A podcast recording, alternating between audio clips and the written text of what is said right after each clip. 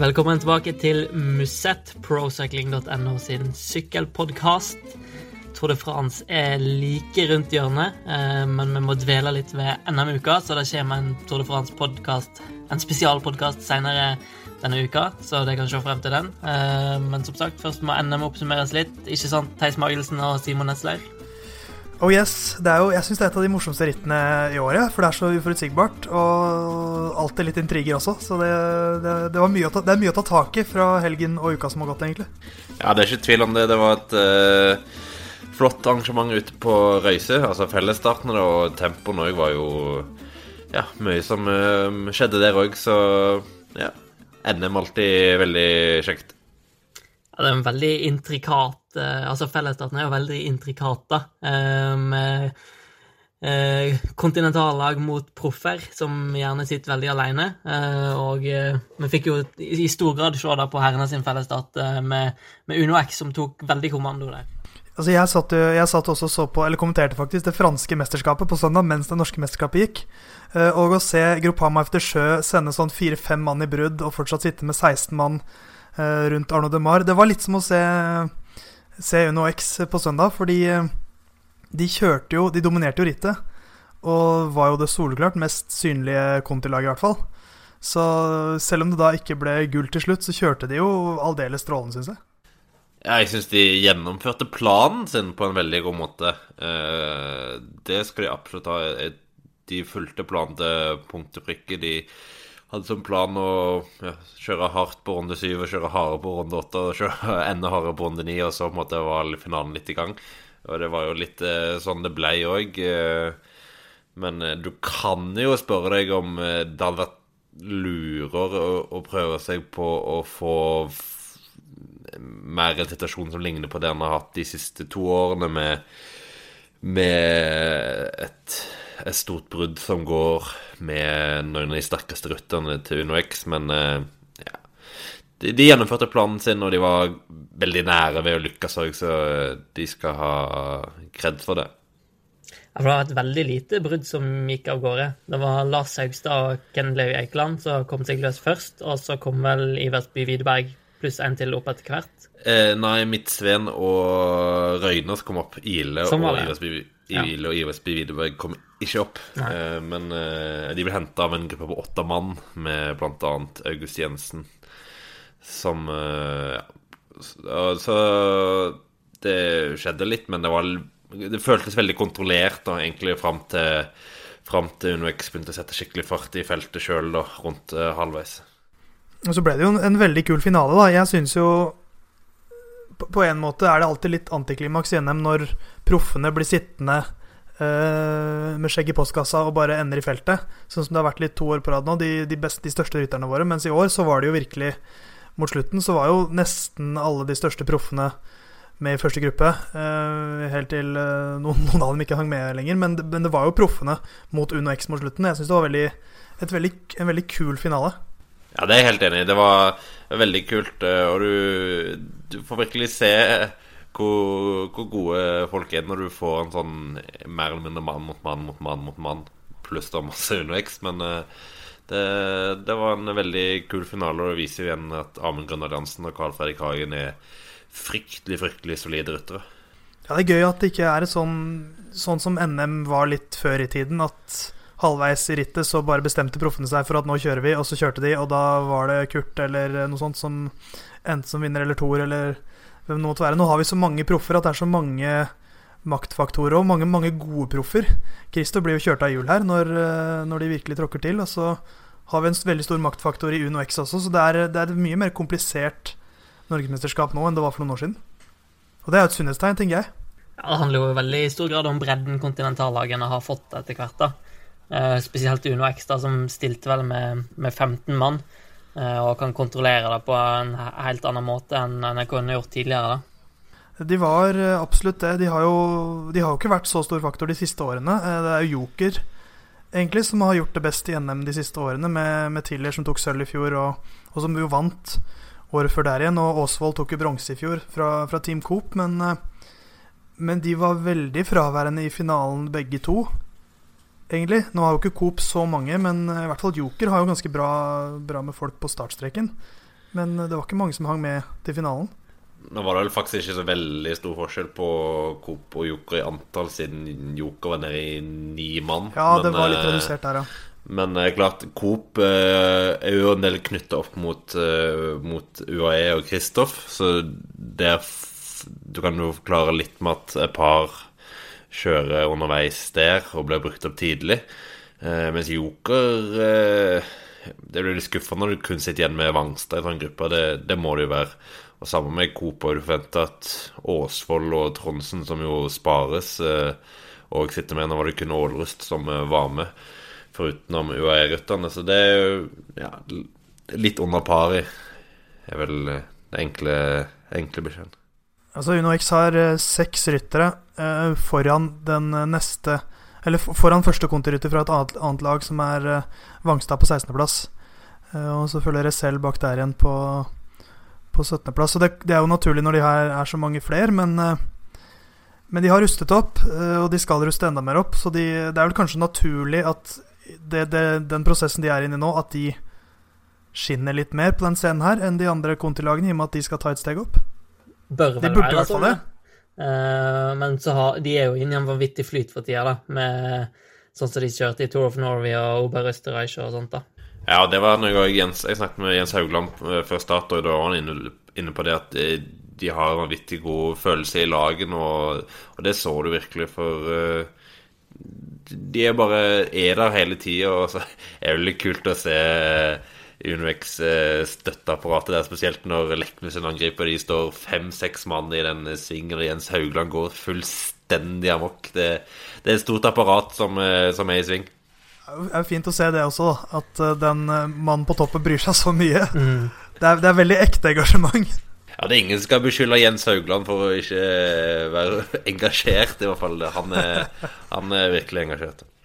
Ja, Det er lett å si at uh, de har masse penger og kan gjøre akkurat som de vil, men de er genuint eh, interessert i og oppriktig interessert i folk sitt beste her. Så det er veldig moro.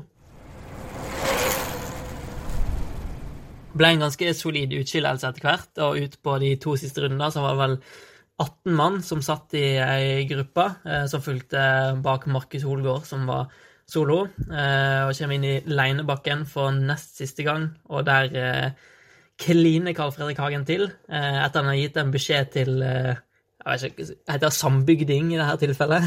Jon Breivoll. ja, det, jeg har lyst til å hylle Carl Fredrik litt. altså Måten han kjører uh, NM-rittet på. Det er, ikke, det er jo ikke en løype, det her som i utgangspunktet er ideell for Carl Fredrik Hagen. Da skulle du gått i mål på Grefsenkollen eller på Tryvann eller noe sånt. Da tror jeg han hadde tråkket fra alle. Men, uh, men han sier til Jon Breivoll, eh, besteklubbrytteren fra Bygde IL, uh, sleng deg på hjulet mitt, så angriper vi. og så angriper han. Setter jo virkelig fyr på rittet mot slutten, Carl Fredrik. Og får jo betalt til slutt med en bronsemedalje, men, men han skulle nok helst sett at han kom seg aleine. For det er vel måten han kunne vunnet det rittet på. Ja, det er jo ikke mange i den gruppen han har slått i en spurt, tror jeg. Det er ganske få.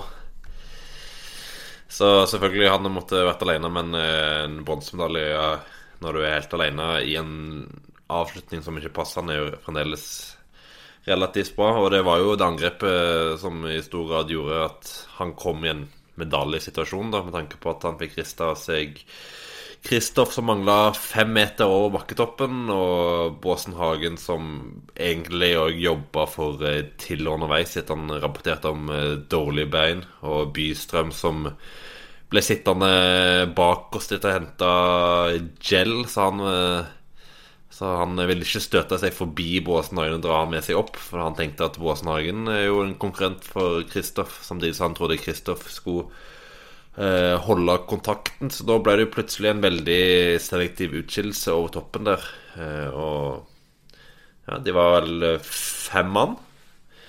Tiller og Daniel Holgaard, i tillegg til da, de tre som til slutt vant de tre medaljene, altså Amund Grøndal Jansen, Andreas Leknesund og, og Karl Fredrik Hagen, pluss Skåseth, står med seks. Det er verdt å merke seg det at det er tre proffer da, som kom dit uten hjelperyttere. Eh, Vi snakker jo ofte mye om hvor vanskelig det er å være ensom proff, men eh, det viser jo også det NM her at når, når det blir såpass hardt, så er det de beste som henger med til slutt. Selv om de ikke har noen lagkompiser. Og så kjører de smart også, spesielt eh, Amund.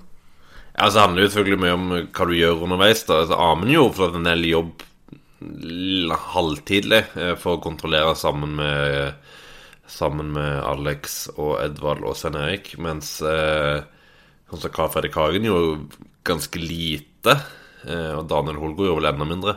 Så de kan jo spille på det når f.eks. Kristoff har hele Coop-laget med seg, og Båten Båsen Hagen har hele Lillehammer-laget med seg, så bruker de mye krefter tidlig i rittet, mens de andre er jo mer eller mindre sitter som egentlig gratispassasjerer fram til finalen, siden rittet ble såpass kontrollert som det ble. Kristoff hadde jobba en del, eh, Bystrøm hadde jobba, Amund hadde jobba. De, de fleste som var alene eller to, hadde jobba ganske masse. Eh, Men jeg tror vi skal gi veldig masse kreds til Karl Fredrik Hagen for timinga på det angrepet. For jeg tror altså Kristoff var åpenbart veldig sterk. Eh, Bystrøm hadde muligens hengt med, men han, han tok alle på senga skikkelig med det angrepet. Ja, det tok meg litt på senga også. Det kom tidligere enn jeg trodde det skulle gjøre. Mm. Men, men han Han visste jo, som Simon sa i stad, at det er ikke mange han slår der i en spurt. Og det vet han veldig godt selv også, så Å begynne det hardkjøret tidlig er jo det som som var hans mulighet. Så er det bare to som klarte å følge han, og det var grunnen til at det ikke ble NM-gull. Men, eh, men eh, det fremsto vel kanskje etter hvert som om eh, Amund var den sterkeste rytteren i feltet. Og litt av grunnen til at han klarte å gjøre så mye jobb selv òg. Han, han så jo veldig Det var det var ikke Carl Fredrik prøvde, prøvde jo på nytt igjen. Men da var det jo en Amund som fulgte han ganske lett. Ja, da Amund kontra jo til og med den siste gangen opp der, så jeg tror han eh, rett og slett var den eh, sterkeste. Han, han ser fryktelig skarp ut om dagen. Jeg tror han, eh, han er i strålende form. Kan vi si at det, det oser selvtillit? Jeg tror ikke jeg tar i hvis jeg sier det. Det oser vel egentlig alltid sjøltillit uh, av Amund Grøndal Jansen. Men nå gjør, nå gjør det med veldig god grunn nå. ja. Ikke at han ikke har hatt grunn til det før også, men nå har han ekstra god grunn. For uh, det er også taktisk smart når han uh, havner i duellen med For det er jo han og Leknesund som til slutt gjør opp om, eh, om mesterskapet når de kommer til, eh, til Røyse sammen, de tre. Ehm, litt uh, tumulter altså, For det, det som jo skjer, er at de kommer inn i den siste målbakken, som er svingete. Uh, Amund smart legger seg først inn i svingen. Uh, kan velge korteste vei til mål. Uh, og kommer først over målstreken. Leknesund skal prøve å passere han, men da går svingen til venstre, og da er det ikke plass. Og så blir det gull til Amund Grønne Hansen, sølv til Andreas Leknesund. Og like etter målstreken, Simon, så møtte han en sindig vestlending fra Tasta, eh, som har et flott skjegg. Eh, du kan, kan ikke du beskrive hva som skjedde da? Du som var førstemann på åstedet. Nei, han, han var ikke Han var ikke blid, det, det kan jeg vel si. Jeg lot han eh, få pusta litt ut, og så spurte jeg han eh, sånn kjapt Jeg hadde jo ikke sett spurten, da, for jeg sto jo bak mål og hadde jo ikke noe TV-skjerm. Bare ja, hvordan eh, han opplevde spurten, sin, åpenbart var litt eh, misfornøyd, da. Og da Han skal ha det Han klarte å besinne seg mens han jo fremdeles var ganske Ganske full av adrenalin. Så klarte han å si at eh, han syntes den var litt sånn Ja, litt på grensen og sånt, da. Eh, og så vifta han meg litt vekk, da, for da han, eh, kom lagkameratene og sånt etter hvert.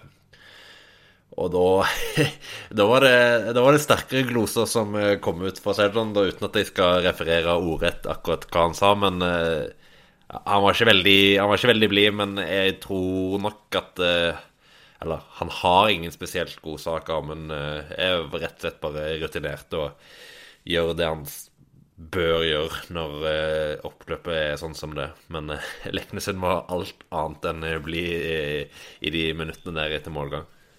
Ja, jeg, satt på, jeg satt på desk og fikk inn klippet til Simon. Det varte kanskje 28 sekunder, og Leknes sa 12 ord i løpet av de 28 sekundene. Ja, nei, men jeg, jeg skjønner det veldig godt, da. Altså, selv om altså, selvfølgelig det var Det var, eh, det var ikke skittent spill fra Amund på noe vis. Han er smart, det, han vet hvordan oppløpet er. Han er, har noen år ekstra på baken, er en smart sykkelrytter. Vet hvor viktig det der er. Um, men så skjønner jeg veldig godt at eh, Leknesund blir forbanna, for man kommer til mål man, For han har jo bra fart der når han skal ut og utfordre Amund, men så, så er det ikke plass. Så hadde han gått på høyresiden der, eh, så kunne det fort eh, endt annerledes. Og når han er, han er 20 år gammel, kunne tatt altså, gull både på tempo og på fellesstart som 20-åring. Det hadde jo vært helt vilt, så jeg skjønner at sølv er litt surt. Og han er jo Mange i UnoX-systemet snakker om, om hodet til Andreas Leknesund. Og jeg syns det er litt det som kommer fram her også. Det er et konkurransemenneske der, så det er klart han vil vinne. Han er ikke fornøyd med sølv, han. Spesielt når, du, når, han kanskje sitter her og føler at han kunne vunnet det hvis han hadde tatt, tatt yttersvingen der. Ja, det var jo noe Jens Haugland òg trakk fram etter målgang, det at uh, du skal være litt uh, sur på deg sjøl når du Eller sur generelt, da. Når du er så nærmet uh, NM-gull og ja, dobbelen allerede i ditt andre år som senior. Så det er akkurat som du sier, det, det vitner om at uh, han har noe i toppen òg som gjør han til en, til en vinnerskalle. Men for alle, alle, norske sykkelfans da, så er det jo stort med Amund som mester. For da får vi se trøya i Tour de France. Og det er jo en liten stund siden sist. Ja, det er vel tilbake til Boasen Hagen etter seieren i Bodø da, i 2016. Eh, og Jumbo Visma har jo ikke hatt veldig mange nasjonale mestere siste årene, faktisk. Eh, den siste nasjonale mesterskapet de vant, var nederlandsmesterskapet i 2016 med Dylan Grønnevegen. Men eh, da hadde de en veldig veldig fin mestertrøye med mer eller litt sånn eh, Ligner litt på det sånn som France de Jeux har for eh, franske, den franske trøya, bare med litt mer sponsorer, da. Men eh, ja, rene farger. Så det det håper om å få en veldig god mestertrøye her. For det er litt viktig. Det har vært litt uh, Det var litt stusslig den uh, Den siste Den mesterøya til Vegard Sakelainen uh, i UAE, den var ikke spesielt fin. Den siste Edvald hadde, husker jeg ikke helt, men den syns jeg heller Mener du husker at den heller ikke var helt voldsomt solid? Det var vel der de først hadde sånne flagg som var helt feil proporsjoner på, og så retta de igjen.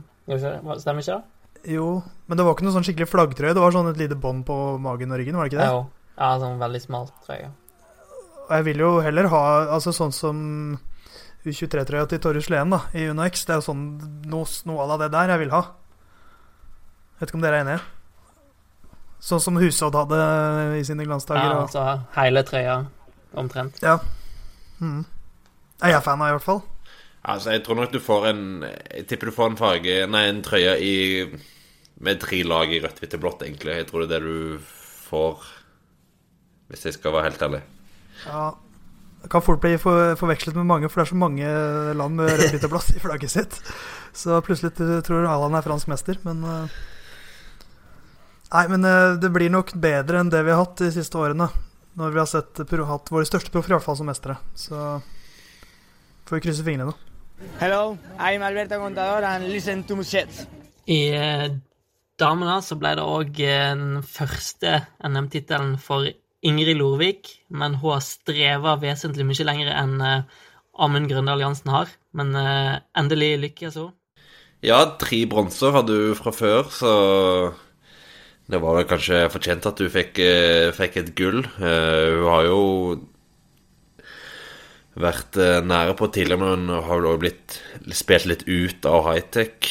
Når vi kjørte på Sikker Victoria i år, så dro vi virkelig nytte av å være på high-tech, for de spilte jo ut ja, de andre proffene med med Susanne Andersen og Katrine Aalrud samt uh, Stine Borgli. Så da, da ble det til slutt egentlig ganske enkel seier etter at du fikk, en, uh, fikk seg en luke og ingen helt klart å få i gang et skikkelig samarbeid bak. Det var jo sånn typisk, typisk overtallsseier, da, som er den beste måten for hightech å vinne, vinne NM på. Uh, og så må jeg si jeg syns litt synd på Susanne Andersen, som uh, får, får, virkelig smake på det overtallet hun har vært en del av tidligere for første gang. Uh, litt ganske skuffa da hun kom inn mål. Uh, du prata vel med henne også, Simon? Ja, hun var Jeg, jeg snakket med henne etter podiet, men eh, jeg, jeg sto jo der når hun kom forbi etter mål, og hun var ja, Om Leknesen var forbanna, så var Susanne Andersen eh, veldig, veldig skuffa. Uh, det, det var en del tårer. Det var eh, Hun måtte kjøre fram og tilbake eh, i to-tre minutter eh, mens hun ja, prøvde å unngå alle som ville snakke med henne, for bare å være helt alene. Så hun var, hun var veldig veldig skuffa. Det til tross for at hun hadde jo innsett at gullet røyk omtrent når hun så at Lovik hadde fått 20 sekunder. Så hun hadde jo lang tid på Kan du si uh, Ta det inn over seg at uh, det ikke ble noe gull, men hun, hun, var veldig, veldig, veldig veldig skuffa. Uh, det, det viser jo igjen da at du, at du har veldig lyst til å vinne. Og det, det har vi alltid lyst til å se, at folk viser følelser når det ikke går akkurat sånn som de håper. Er Simon Norges mest empatiske journalist? La folk være i fred til de får roe seg litt ned. Det var kanskje ikke, kanskje så kamp om intervjuposisjonen heller i NM, så det, da har man jo muligheten til å oppføre seg litt. Men, ja. Eh, nei, men det, jeg, er helt, jeg, er helt, enig med Simon. Det, det er klart hun er skuffa. Uh, hun er jo et ekstremt konkurransehode, hun også. Og hun visste jo, som Simon sier, hun, hun sa jo også det intervjuet at hun visste det øyeblikket hvor NM-gullet røk. Og det var liksom en veldig vanskelig situasjon å være i. da, Å sitte mot Norges beste lag. Og de kan bare sende én etter én rytter, eh, som er kjempesterke alle sammen. Eh, du sitter der med andre proffer. Eh, du kan jobbe sammen med proffene, men det er jo et klassisk eksempel på en rytter som kjører for seg selv aleine. kjører raskere enn tre ryttere som kjører litt sånn sammen. Så så, og spesielt når den finishen om, i kampen om sølvet, hvor hun tar det sølvet ganske klart, etter at uh, Stine Borgli og Katrine Aalerud går ned i siste svingen, og det blir litt sånn splitt og sånt, så, så blir jo på en måte det, det tapet enda surere, da, når hun tok sølvet så klart.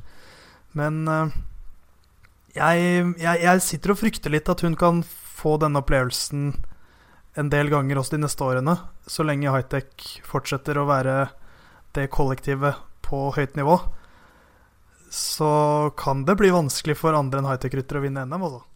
Ja, det, det, gjør jo det. Det er jo Det er sånn at en av kvinneklassen er så liten til å begynne med, da. Uh, I år var det vel uh, rundt 45 ryttere påmeldt, rundt 40 ryttere på start. Og klart å Hvis da hightech kommer med sånn rundt åtte ryttere, da, så så er de veldig vanskelig å stoppe, selv om det var andre lag som hadde relativt like mange ryttere på start, men de var ja, hadde ikke samme bredden, da, for å si det, for er det veldig enkelt. Så det er noe, absolutt noe som kan skje flere ganger hvis du ikke kommer seg på et lag hvor du kan eh, alliere seg med flere nordmenn. Det, det, det er vanskelig å vinne det NM-gullet NM uten å være på high-tech.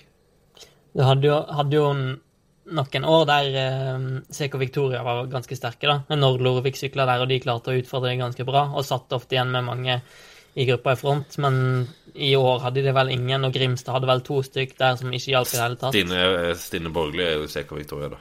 Ja, riktig. Ja, riktig. Men, eh, men ellers så var de veldig Ja, de klarte ikke å spille på på noe bredde i de i det hele tatt. Så det var egentlig high-tech mot én mot én mot én. Mm. Og Grimstad som hadde to, men som egentlig ikke gjorde noe særlig. Men, det er jo, men, men vi må jo gi skryt til high-tech også. Det skal Susanne Andersen ha. Hun var stor nok til at hun ga skryt til high-tech også. Måten de spilte spillet på. Flinke til å angripe én etter én. Um, og det er vel femte år på rad at de vinner uh, fellesstarten. Uh, som Simon vel sa i uh, podkasten vi hadde før NM, at dette er jo et ritt hvor high-tech egentlig har alt å tape. Det er jo pinlig for dem hvis de ikke klarer å vinne når de er det laget de er. Så um, Så får vi se, da, Susanne Andersen. Etter, hun, hun, smakte jo litt på det her i fjor også, uh, da hun tok sølv. Men da syklet hun i high-tech, så da måtte hun på en måte være fornøyd. Uh, for da var det på en måte lagvenninne Vita Heine som gikk solo. Mens uh, i år hadde hun lov til å være forbanna på ordentlig. Så, men herlig, herlig altså. Hun kommer jo til å vinne NM en bråte av ganger, jeg er sikker på. Tror du ikke det? Hvis hun, altså hun er 20 år gammel. Ja, altså, så lenge hun, hun har blitt nummer to to år på rad. Altså, da, da kommer det til å klaffe et eller annet år. Ja, hvis, du bare, hvis, du bare, er sterk nok, så, så går det jo. Men uh, det er klart, uh, det kreves jo en del for å stå imot hvis du hvert år skal havne i gruppa med fire-fem high-take-ryttere.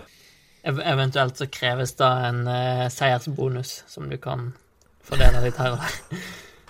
Ja, Så får vi se hva som skjer med high-tech da, eh, etter disse nye SY-reformene med, med divisjoner på kvinnesykkellag osv. Da Og vi har jo andre proffer også, som, eh, som eh, vi ikke skal glemme. Jeg, jeg må jo også gråte litt for Katrine Aalerud.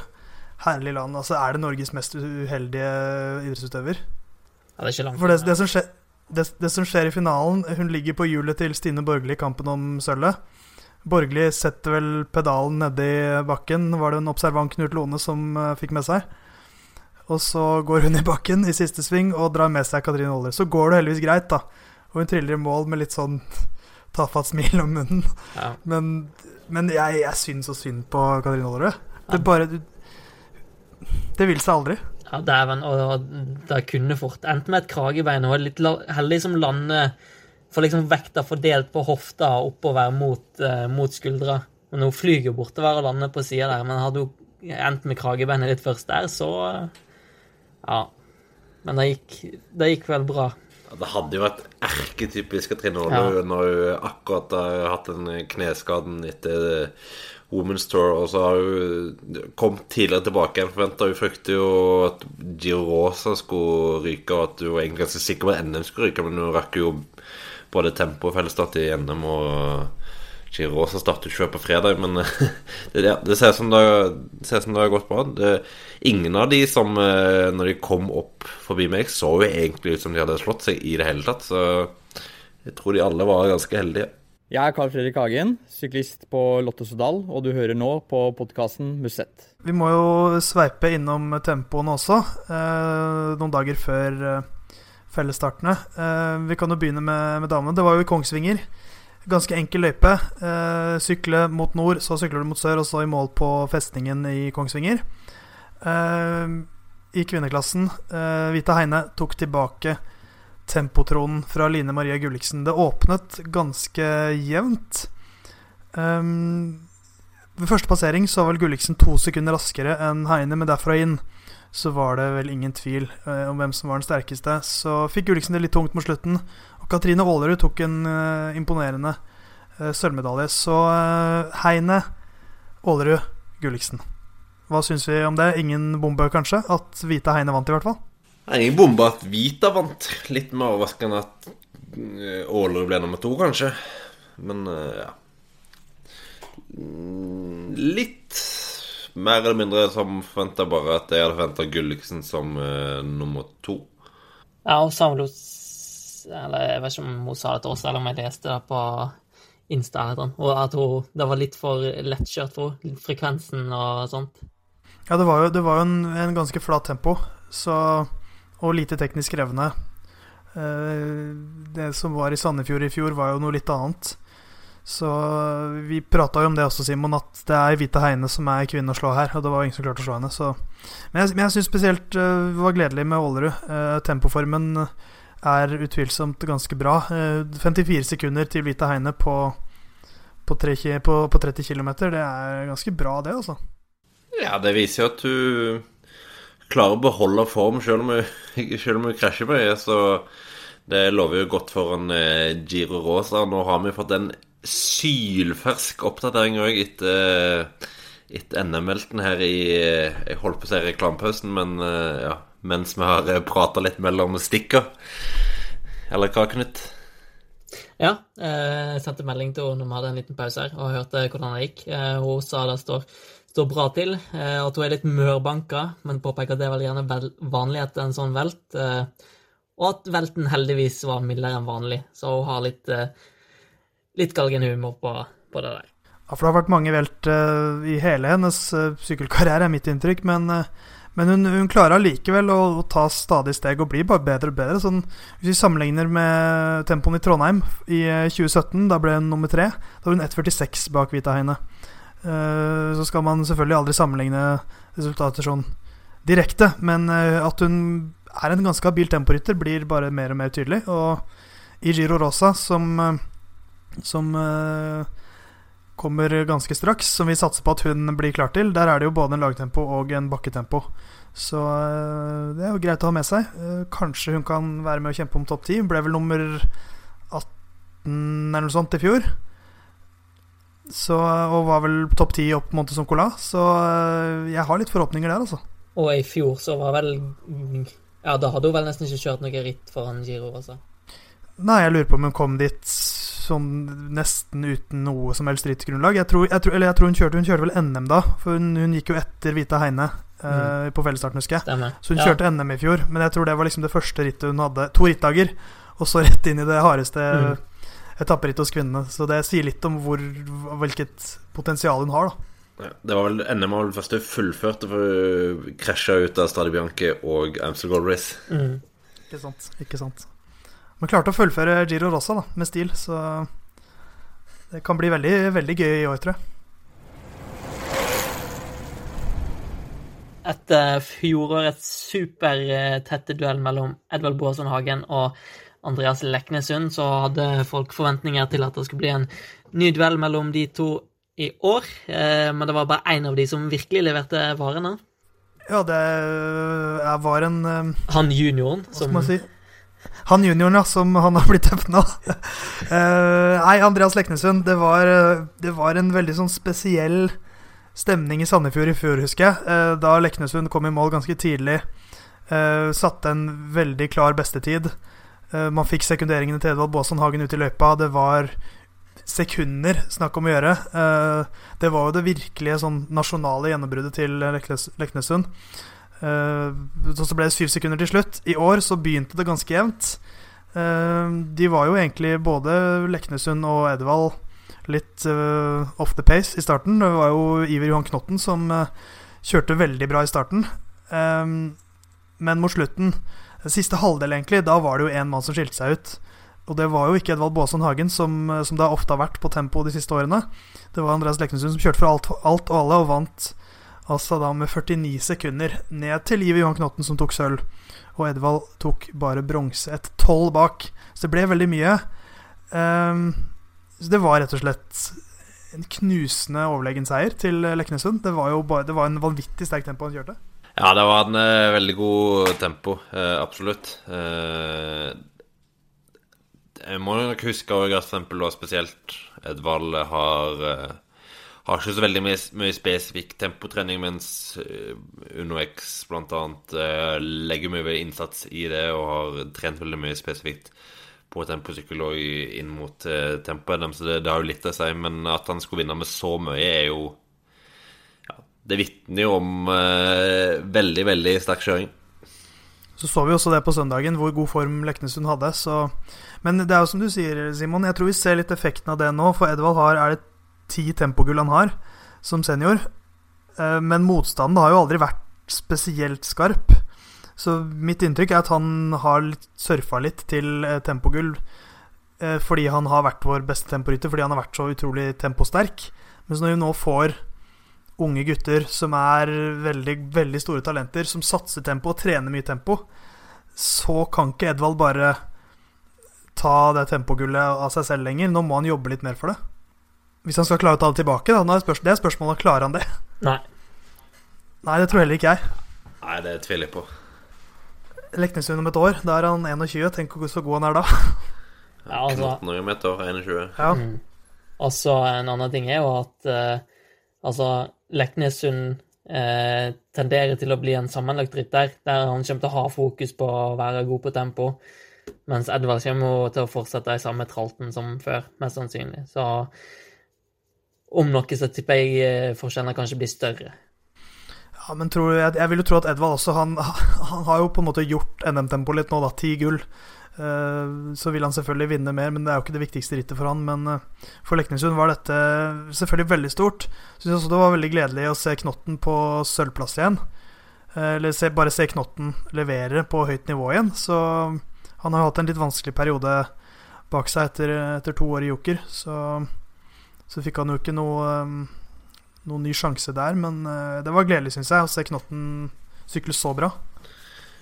Ja, han eh, virker veldig god på tempo for, for tida. Han var jo òg eh, en viktig del av lagtempolaget til Tønsberg, som tok sølv. Og det til tross for at de tapte veldig mye tid på at han måtte stoppe to ganger tidlig, og det sånn sett kunne blitt ganske jevnt hvis ikke. Så Knatten er i veldig bra slag, så det, det er veldig morsomt å se etter, som du sier, Theis. Han har hatt Spesielt 2018 var et eh, tungt år med mye luftveisproblemer, men eh, nå virker det som han har fått eh, kontroll på det, og da er det nok eh, flere lag som er interessert i å få han opp på et høyere nivå igjen.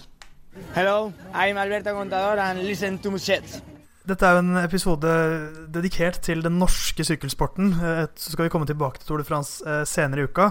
Men eh, jeg, vi må heller ikke glemme den internasjonale sykkelsporten. Så vi tar da en, en liten bolk nå med den internasjonale sykkeluka, som er preget av nasjonale mesterskap. Knut og Simon, er det noe dere har bitt dere merke i sånn litt mer enn andre ting? Definitivt. eh, For det er en mann som har hatt et intenst ønske Ja, det er mange folk som har et intenst ønske om å vinne nasjonale mesterskap.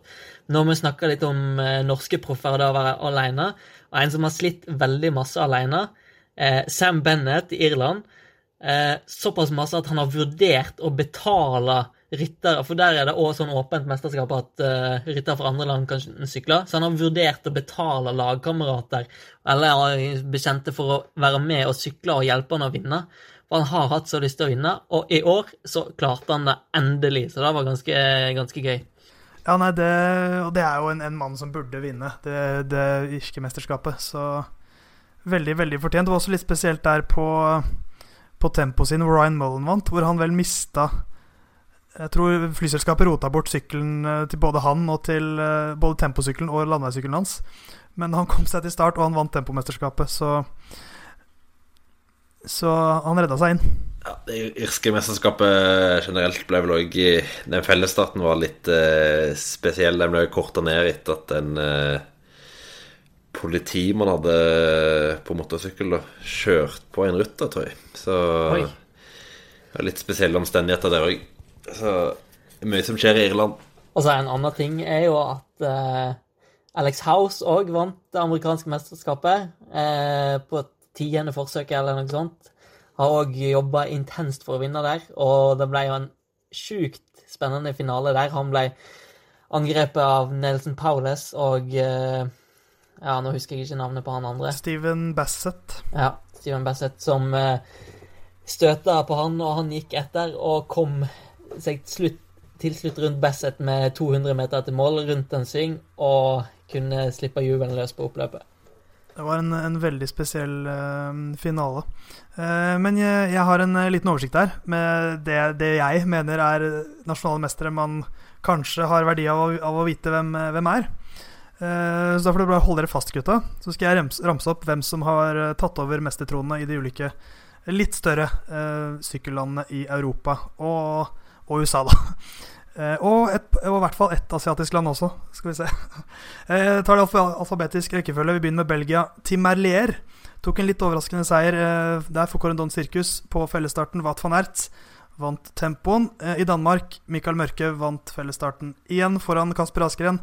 Kasper Askren tok tempokule, så kunne i quickstep med dobbeltseier der. I Frankrike var en Bargil vant for Akea Samsic. Benjamin Thomas vant uh, tempoen for Gruppama efter sjø. Irland har vi tatt allerede. Italia, Davide Formolo og Filippo Ganna vant fellesstart og tempo. Kasakhstan, der var Asia-bidraget. Uh, Aleksej Lutsenko vant begge deler. Og i Latvia, eh, Chris Nylands og Tom Scoins de byttet uh, rolle. uh, så nå er det Tom Scoins som er fellesstartmester, mens Nylands er tempomester. I Luxembourg, gjett hvem som vant der, gutta? På Bjungels. Yes, han vant uh, fellesstarten for femte år på rad. Med betydelig mye mindre margin i år enn i fjor, da. Ja, ja, ja, men han vant, og det er det som teller. Vant også tempoen for femte gang. I Nederland, Fabio Jacobsen vant aleine. Uh, Jos van Emden vant tempoen. I Polen, uh, Mikael Paluta får CCC sitt utviklingslag. Jeg vil tro at CCC sitt uh, profflag plukker opp han eh, ganske straks. Eh, og Masej Bodnar vant tempoen. Russland, eh, der har vi Vlasov som vant uh, fellesstarten. Ovetsjkin for Knut sitt favorittlag, Terenganu Cycling Team, som vant tempoen. Uh, I Slovakia så var det Sagan-familien sin niende seier. Men det var Juraj som vant denne gangen. Uh, vil si at Peter Sagan kommer til å starte Tour de France i en vanlig og hanskerotrøye. Hvem skulle trodd det? Um, Spania, Alejandro Valverde vant for tredje gang. Jonathan Castroviejo vant tempoen for tredje gang. I Storbritannia vant Ben Swift uh, fellesstarten. Alex Dowsett vant tempoen. I Sveits Sebastian Reichenbach vant uh, fellesstarten. Stefan Kung vant tempoen for tredje år på rad. Uh, I Tyskland så ble det vel tredobbel seier til Bore Hansgrud. Max Schackmann vant som førstemann. Tony Martin vant den tyske tempoen, selvfølgelig. Hvor mange på rad har han nå? Syv. Noen høyere? Åtte. Åtte er riktig. uh, Alex House vant som sagt. Ian Garrison vant tempoen for Hagens Berman Action. Så kan vi også nevne Østerrike, der Patrick Konrad vant for Bora. Uh, det er de som jeg syns man bør vite om. Og da skal altså Pe Peter Sagan sykle uten en mesterstrøya for første gang siden juni 2011. Får nok det grønne poengtrøya på seg ganske kjapt, da. Da gjør han det. Men det er lenge, ass. Det er sinnssykt lenge. Ja, det, det er helt sjukt. Det, har jo, det har jo ofte vært litt sånn det slovakiske mesterskapet at uh, Peter vet at når, når, han har en annen trøye han kan ha på seg, så bare, da kan Juraj ta den. Men uh, i år ble han bare nummer fire, men da var det jo Juraj som vant. Altså det, det, har jo vært sånn det har vært. Det tyder kanskje på at han er litt uh, sjølsikker foran uh, VM, eller? Ja, det kan hende. nummer fire kommer der. Det er, det er et godt poeng. Men, eh, men gøy for Juraj, da. At han får vinne litt også. Hans tredje seier. Nå har han jo halvparten så mange som Peter. Det er ikke verst, det. Det var eh, nok internasjonalt preik for eh, denne gangen. Kanskje, vi får se. Jeg vet ikke helt. Nå skal det i hvert fall deles ut litt skryt og litt slakt.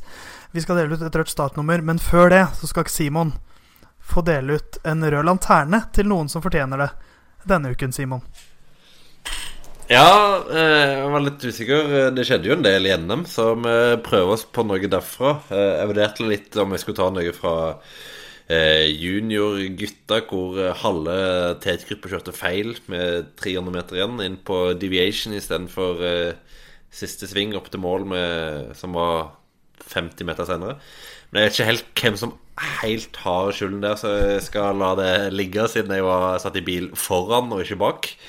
Så da velger jeg å gi det til eh, mekanikerne til, til, Israel, som eh, gjorde at eh, August Jensen fikk sine NM-sjanser spolert etter at giret hans låste seg i kirkebakken. Eh, jeg vet ikke hvor mange runder det var før mål. Fire, fem, seks runder eh, før mål. Og det har visstnok andre gangen det skjedde i år. Skjedde òg i eh, Kurne, Brussel-Kurne, tror jeg det var han sa. Så han var ikke spesielt fornøyd med mekanikerne, så nå, nå må de få gjort en skikkelig jobb med det giret, så kan August få kjøre inn flere gode starter i høst. Det, det er oppfordringen min herfra. Ja, det, han, han, trenger jo litt det, da. Det har ikke vært, han er på utgående kontrakt. Og selv om han gjør en solid jobb som hjelper her og der, så trenger han et resultat eller to, tror jeg, for å få fortsette. Eller kanskje ja. de er fornøyd med jobben han gjør? Ja, det kan, det kan, være, men uansett så hadde han jo hatt gode sjanser i NM. Det var jo en løype som passet han veldig bra, så sånn sett så var det jo veldig sunt for han. Han følte seg ganske, ganske kurant òg, så sunt for, uh, for August og alltid synd når tekniske uhell ødelegger. ICA bør være, være, fornøyd med August når han gjør en såpass oppsiktsvekkende god jobb at vi sender folk til Ungarn for å dekke rittene han sykler. Kanskje det sørger for at, eh, at eh, August Jensen får ny kontrakt i Israel Selling Academy. Fordi de ser hvilken folkehelt han, eh, folkehelt han er. Når vi har en journalist som følger han til Ungarn. Hele Norges Kanskje Simon må hvis Simon bare følger August Jensen rundt om i Europa Så lenge det er Europa, jeg drar ikke til Asia. Da får vi ikke se deg i Tokyo, da. Neste år. Nei. Det er synd. Nei, eh, men det er kjipt når eh, mekanikeren ikke gjør jobben sin. Eh, hvem er det som har gjort jobben sin eh, denne uken, Knut? Som gjør seg fortjent til et rødt startnummer? Oh yes. Da eh, Nå kan det hende at Knut begynner å gråte. Ja, det, altså, jeg vet ikke hvor jeg skal starte her engang. Gutta på, i poden her får jo støtte stadig høre det i, i chatten vår når eh, EF Education gjør noe bra, spesielt Lackland Morton gjør noe bra. Uh, han har jo blitt nevnt flere ganger her i forbindelse med de her Dareabouts-dokumentarene, og jeg hyller jo drakta deres eh, i, i, vinter. Eh, og vi må hylle Lackland Morton litt mer. For eh, EF har jo et sånn eh, alternativt rittprogram, da. Skal prøve å være litt mer eh, folkelige og sykle ting som vanlige folk, eh, folk sykler. Eh, blant annet så slengte de med, eller jeg tror det er veldig på Leckland Morton sitt eget initiativ, men noe som heter GB Duro, eh, som er et ritt eh, der du er såkalt self-supported. Eh, det går fra bunnen av Storbritannia til toppen. Eh, 2100 km langt. Så det er et sånt, ja, endurance-ritt, da. Eh, du må fikse overnatting sjøl, du må fikse mat sjøl. om du vil sove på hotell eller i telt, det er valgfritt. så er det førstemann til mål, da. Jeg tror det var rundt 36 deltakere da. Eh, men det her er jo sånn det her er sånn Lackland Morton er skapt for å gjøre. Å bare gå ut på sykkelen og sykle til du nærmest omkommer. Eh, for han sykla da, de 2100 km på, på seks dager. Eh, hadde sykkeltid på 111 timer og 44 minutter.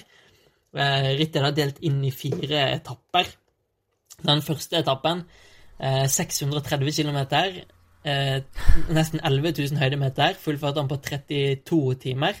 Da sov han litt underveis. og sånt. Han hadde en sånn såkalt bivvy, som er sånn lite telt som kroppsstørrelse på, som han eh, lå i. Eh, da, tror jeg. Eh, neste etappe, 470 km, nesten 9000 eh, høydemeter. Eh, altså, rittet går ikke bare på asfalt, det går over eh, åssider og på grus og eh, Det er bare sånn ren sjølpining. men ja, til slutt, til slutt kom han i målet. det er den mest utrolige reisen han har hatt, sa han. Men det her er sånn som jeg syns er sjukt inspirerende. Så nå på høsten skal jeg ha et par sånne turer der jeg skal bare ut og måke 300 km. Det blir jo småplukk i forhold til det han driver på med, men eh, det er bare helt rått. Knut, er det du som er Jonathan Waters? Det, det kunne vært, ja. Nei, men jeg, jeg, må jo bare stemme i her. Altså det, det, er jo, som du sier, han er på en måte skapt for sånne ting. Og han er på en måte skapt for F Education også. Det er, det er noen ryttere som passer bedre i noen lag enn andre. Og sånn som, uh, sånn som uh, Sånn som han, og som Taylor og, og Alex House og sånt, det er ryttere som passer perfekt i EF Education. Så Lackland Morton fortjent uh, skryt. Også, jeg har sett på noen bilder av, av uh, fra sykkelturen. Jeg syns nesten det beste er hvor lite jålete han er. Ja, ja. For nå er, det, nå, er det, nå er, det, en sykkelsport hvor det er veldig mange som er veldig opptatt av hvordan man ser ut, og alt skal være så Alt skal være Ingenting er tilfeldig, det skal være de fargene osv. osv. Han sykler altså med Uh, noen av bildene bare se, Det henger sånne standard iPhone-ørepropper mm. ned fra hjelmstroppene. Han sykler med én stor flaske og to små. Uh, han har jo tempobøyler, men en av dem har ikke sånn endepropp. Uh, og sykle med så... hetta ut på hjelmen og Ja, det, og det, jeg, jeg, er veldig for det der. At sånn mm. Det handler bare om å sykle, drit i, drit i alt annet. Ja, for så, alle de andre som stilte der Eller alle de andre, de 30 andre som stilte der, det er bare helt vanlige folk. Altså, han og det er ikke noe, det er ikke noe eh, premie for å vinne eller noe sånt. Det er bare Du passer på deg sjøl, og så er det førstemann til mål, og så kommer du til mål, og så er det, det Da er du basically på enden av Skottland eller noe sånt. Det er ingen Det er ikke noe målseil eller noe sånt. Du bare kommer dit, og så er du ferdig. Og så drar du hjem. Men han vant Han lå jo Når han var i mål, så tror jeg han lå 600 km foran andre mann, da. Det er helt absurd. Nei, det, det, det er, helt, det er en, et, et rødt startnummer til sykkelromantikerne, det der. Ja, altså, eh, da, det handler bare om å sykle. En ting til. Da pissa ned hele turen omtrent. Det regner konstant. ja, hvis du skal sykle i Storbritannia om sommeren, da er ikke det en bombe. Nei. Men eh, da må du jo slenge inn noen minihyllest til Kristoffer Skjerping og Miriam Bjørnstad, ja, som ja. må legge ferien sin fra Eidsvoll til, til Sota. Det er vel en 600 km sånt det er på sykkel. Ja. Det bare til å oppfordre folk til å gjøre det. Kjøp sånne hvis det, det ligger en fin sak på Cycling Tips uh, sine sider med masse bilder fra turen. Det er sikkert de bildene Theis refererte til. Uh, og han har sånne store uh, vesker på sykkelen. da. Så folk må bare kjøpe sånne og pakke et lite telt og en liten lett sovepose i og komme seg ut og, og sykle land og strand. Det er fin, fin, må, fin måte å tilbringe sommeren på. Jeg sykla to timer i dag. Helt ferdig. Te- Theis, du kom til Grefsenkollen i dag, han? Eller var det Tryvann? Eh, Tryvann. Tryvann, ja. Jeg brukte, Hvis du tar kummen til Carl Fredrik Hagen, så brukte jeg dobbelt så lang tid. Ganske nøyaktig. Jeg er Carl Fredrik Hagen, syklist på Lottosodal, og du hører nå på podkasten Musett. Det ble kanskje ikke kom på Theis til Tryvann i dag, men uh, Theis er kanskje ikke noen Carl Fredrik Hagen uh, på sykkelen, men uh, i, i, i, Men radiofa i radiofaget og markedsføring, der, der er Theis sterk. Ja, Man skulle nesten tro jeg hadde en bachelor fra BI. Det har jeg ikke. Jeg har en bachelor i noe annet fra en annen skole.